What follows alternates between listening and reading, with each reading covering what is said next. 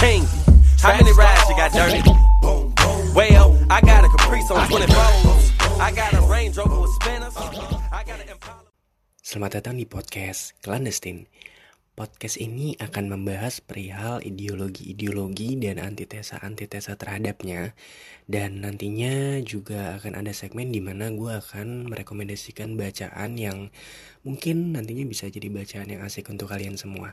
Selamat mendengarkan. Kali ini gue bakalan ngebahas perihal gerakan anarko-sindikalisme yang kalau kita ingat beberapa waktu ke belakang sempat keluar maklumat dari pada saat itu saya ingat gue Kapolrinya masih Jenderal Tito Karnavian ya yang membuat maklumat seakan-akan anarko-sindikalisme ini menjadi ancaman besar gitu untuk masyarakat. Nah, kita coba tarik ulur ya, tarik ulur tentang si anarko-sindikalisme ini beberapa tahun terakhir memang kemunculannya gerakan anarko-sindikalis di berbagai media meningkat gitu secara signifikan terutama menjelang dan pasca peringatan Hari Buruh Internasional May Day. Pemberitaan tersebut nggak lepas tuh dari atribut hitam-hitam yang kerap dimaknai secara sembrono sebagai lambang universal si gerakan anarko-sindikalis. Udah gitu penangkapan dan represivitas aparat serta tindakan anarkis yang diduga juga dilakukan gitu Konferensi pers di Mabes Polri selepas aksi Mei di 2019 merupakan kali pertama negara resmi angkat bicara dan mengambil sikap terhadap gerakan anarko-sindikalisme. Jenderal Polisi Tito Karnavian memperkenalkan kelompok anarko-sindikalis sebagai terduga dalang di balik kerusuhan aksi May Day di sejumlah kota seperti Yogyakarta, Bandung, dan Makassar. Menurut dia, kelompok ini menerima doktrinisasi dari komunitas serupa dalam skala internasional dan baru terdeteksi di Indonesia beberapa tahun lalu. Kabar ini disusul dengan berbagai pemberitaan di media yang seakan mengkonfirmasi cap rusuh gitu. Kayaknya emang kayak gitu ya, anarko di Indonesia tuh yang kayak cuman sekedar vandal, perusuh gitu ya. Yang disematkan jenderal yang kini menjabat sebagai menteri dalam negeri ya seperti itu kira-kira. Masyarakat digiring untuk semakin antipati sebenarnya terhadap si anarko-sindikalis dan ideologi anarkis pada umumnya Gerakan anarko-sindikalis ini dipahami publik sebagai masa berbaju hitam-hitam yang getol memicu kerusuhan pada aksi demonstrasi. Keadaan ini diperparah ketika negara mulai melakukan pemetaan anggota kelompok anarko-sindikalis layaknya jaringan terorisme. Anarko-sindikalis nih, gue pengen bener-bener explain sedetail-detailnya gitu. Di mata negara seolah-olah telah menjadi ancaman keamanan negara yang baru gitu. Dalam perkembangan terbaru, kelompok anarko dituduh akan mengorganisir keonaran dan penjarahan besar-besaran di Pulau Jawa pada 18 April 2020, memanfaatkan situasi tidak menentu akibat wabah COVID-19. Dalam keterangan yang diberikan, Kapolda Metro Jaya Irjen Pol Nana Sujana menyatakan kalau aksi ini sudah mulai dilakukan di Jakarta, Bandung, dan sejumlah kota lainnya.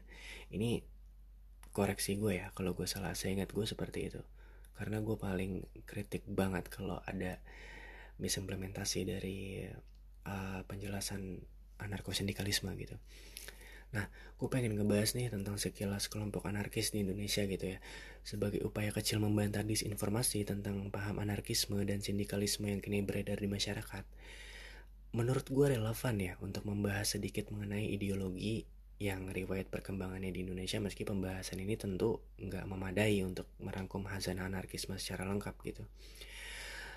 Tapi segmen ini lebih dari cukup sih untuk membuktikan bahwa pernyataan mantan Kapolri tidak sepenuhnya tepat kalau tidak dibilang mengada-ada. Kalau merujuk pada konsepnya, anarkisme merupakan pola organisasi hidup secara kolektif yang berorientasi pada kepemilikan alat produksi yang dikelola masyarakat secara bersama-sama gitu. Anarkisme meyakini bahwa kebebasan hanya bisa dicapai dengan kekuatan dan usahanya sendiri bukan dengan bantuan suatu otoritas seperti negara atau entitas lainnya what the fuck pemerintah or some stuff like that. Anarkisme berbeda ya sama komunisme ini yang masih bias di masyarakat gitu. Anarkisme menolak gagasan kediktatoran proletar atau proletarian dictatorship. Komunisme yang dianggap perlu untuk mencapai kemenangan kelas pekerja, kaum komunis menekankan pentingnya menciptakan partai politik sosialis dengan otoritas eksekutif pusat sebagai bagian dan strategi mereka dalam mengubah tatanan sosial sedangkan pengikut Mikhail Bakunin menekankan pada pentingnya kolektivisme dan revolusi sosial melalui aksi langsung serikat pekerja. Perpecahan ideologi antara kelompok Bakunin sama kelompok Esikal Marx ini terjadi pada Internasional 1 kalau misalnya lo pernah baca. Itu sekitar tahun 1872. Hingga hari ini, perpecahan anarkisme dan komunisme belum mencapai titik temu dan ramai diperdebatkan oleh para pengikutnya gitu ya termasuk gue sebagai anarkis. Perjalanan ideologi anarkisme di tanah air dimulai jauh sebelum Indonesia diproklamirkan. Dalam perkembangannya pada era kolonial ya beberapa pemuda Indonesia menjalin kontak dengan kelompok anarkis Belanda dan membangun hubungan dengan kekuatan politik sayap kiri lainnya. Datanglah buruh-buruh sindikalis dari Eropa serta beredar surat kabar dengan propaganda anarkisme contohnya Sumatera PO dan Zenli Bau di Semarang gitu terus memantau masuk anarkisme ke India Belanda pada saat itu pada beberapa rujukan populer tulisan-tulisan Dos Dekker dan cucunya Ernest Dekker juga dianggap berperan dalam perkembangan paham anarkisme. Ideologi ini berkembang beriringan dengan ideologi kiri lainnya yang seperti komunisme, sosialisme di Indonesia ya itulah kurang lebih. Namun sejak pemberangusan ideologi komunisme pada 65 yang ya kejadian yang geger banget itu ya praktis perkembangan ideologi kiri lain seperti anarkisme menjadi senyap gitu menurut gua pemberangusan ini pun membuat anarkisme dan sosialisme sering dicap sama dan sebangun dengan komunisme ini yang masih nggak gue paham. Momentum reformasi 1998 dan euforianya mendorong munculnya kembali kelompok-kelompok anarkis di berbagai kota. Anarkisme kembali menggeliat seiring dengan tumbuh kembang subkultur punk dan skinhead di Indonesia. Mereka aktif melakukan diskusi mencetak zain, terus kemudian menyebarkan dalam gigs sembari mengkampanyekan pesan anarkisme dan anti-otoritarian lewat lagu-lagu gitu. Dalam kurun waktu sekitar, kalau gua nggak salah ya, ini kalau gua nggak salah sekitar 1999 sampai 2009, kolektif anarkis ini mulai bermunculan silih berganti khususnya di Bandung dan di Yogyakarta. Kolektif ini mencoba melawan opini yang beredar di media massa yang mereka anggap telah mendistorsi dan memutarbalikkan fakta mengenai anarkisme. Salah satunya adalah usaha untuk menyebarluaskan dan membumikan wacana anarkisme dengan menerbitkan zain atau jurnal berkala yang berisikan perspektif anarkisme dalam kehidupan sehari-hari. Meski demikian ya kelompok ini juga dikenal dengan aksi-aksi perusahaan properti ya seperti supermarket, pos-pos bahkan ada ATM seperti Starbucks juga kemudian ya seperti yang berbau-bau kapitalisme lah. Kemudian gue mau sedikit cerita tentang May Day 2019 Peringatan Hari Buruh waktu tanggal 1 Mei gak lepas dari sepak terjang kaum anarkis ya karena memang tidak bisa dilepaskan juga gitu ini saling correlates gitu. Secara historis 1 Mei disepakati berbagai kelompok kiri sebagai tanggal untuk memperingati High Market Affair di Chicago yang menelan belasan korban jiwa sekaligus menghormati uh, pengorbanan empat tokoh anarkis yang dieksekusi oleh pemerintah Amerika kalau nggak salah tahun 87 ya 1887 Parsons, Engel, Spice, dan Fisher. Dan satu orang, Link, bunuh diri di penjara.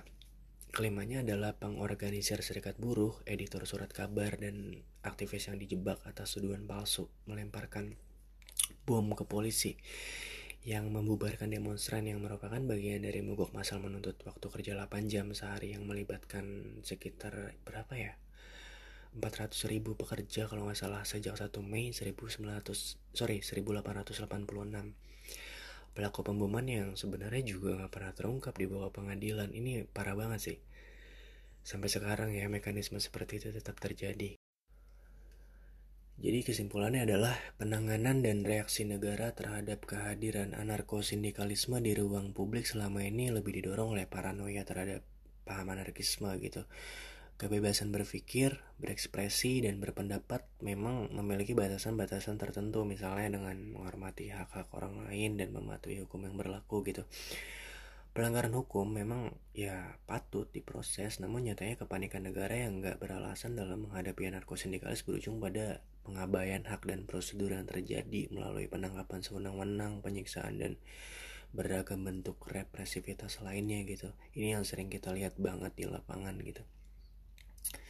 Selain itu menurut gue minimnya literasi aparat mengenai paham anarkisme juga mengaburkan kekerasan biasa gitu kayak penganiayaan, vandalisme yang dikenal dalam paham anarkisme akibatnya pelanggaran ketertiban umum melalui vandalisme, pengerusakan dan seterusnya sering ditanggapi secara nggak proporsional. Terlebih aparat terlalu mudah mengeluarkan klaim bahwa anggota kelompok anarko berada di balik suatu kejadian tanpa terlebih dahulu mengusut secara tuntas tentang keterkaitan individu tersebut dengan paham dan kelompok anarkisme gitu. Selain apa ya, selain tindak aparat yang represif dan bikin enak dengan klaim mengada-ngada dan serba berkelebihan, hak atas kebebasan berpikir itu sendiri makin dipersempit gitu lewat penolakan-penolakan yang dikeluarkan lewat instruksi dan himbauan resmi dari pejabat publik gitu Pemahaman anti-anarkisme mulai dimasukkan perlahan-lahan ke dalam kesadaran masyarakat.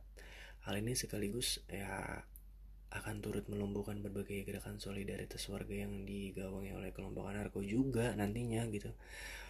Keseluruhannya ya merupakan sebuah presiden buruk yang memungkinkan negara untuk melanggar hak-hak kelompok ideologi lain yang dianggap tidak sejalan dengan selera negara gitu. Jika dibiarkan, Nggak mengagetkan kalau anarkisme akan berakhir seperti ideologi komunisme di era Orde Baru gitu, dipersekusi, diburu, dan dianggap sebagai biang kerok, sebagai permasalahan sosial, kekacauan politik yang sebetulnya berakar pada kegagalan jajaran pemerintah dalam melindungi dan mensejahterakan warganya menurut gua. Jadi serangan terhadap identitas atau kelompok anarkosindikalis selain berbentuk tuduhan aliran sesat dan tuduhan sebagai pelaku kekerasan, sesungguhnya merupakan bentuk kecemasan penguasa terhadap tema sebenarnya isu atau materi yang diperjuangkan kelompok anarko. Jika dilihat pada berbagai isu dan kualitas kesadaran dari eksistensi dan aktivitasnya jelas kelompok ini menyuarakan ketimpangan ekonomi dan penyalahgunaan kekuasaan. Hal ini yang menjadi ancaman bagi penguasa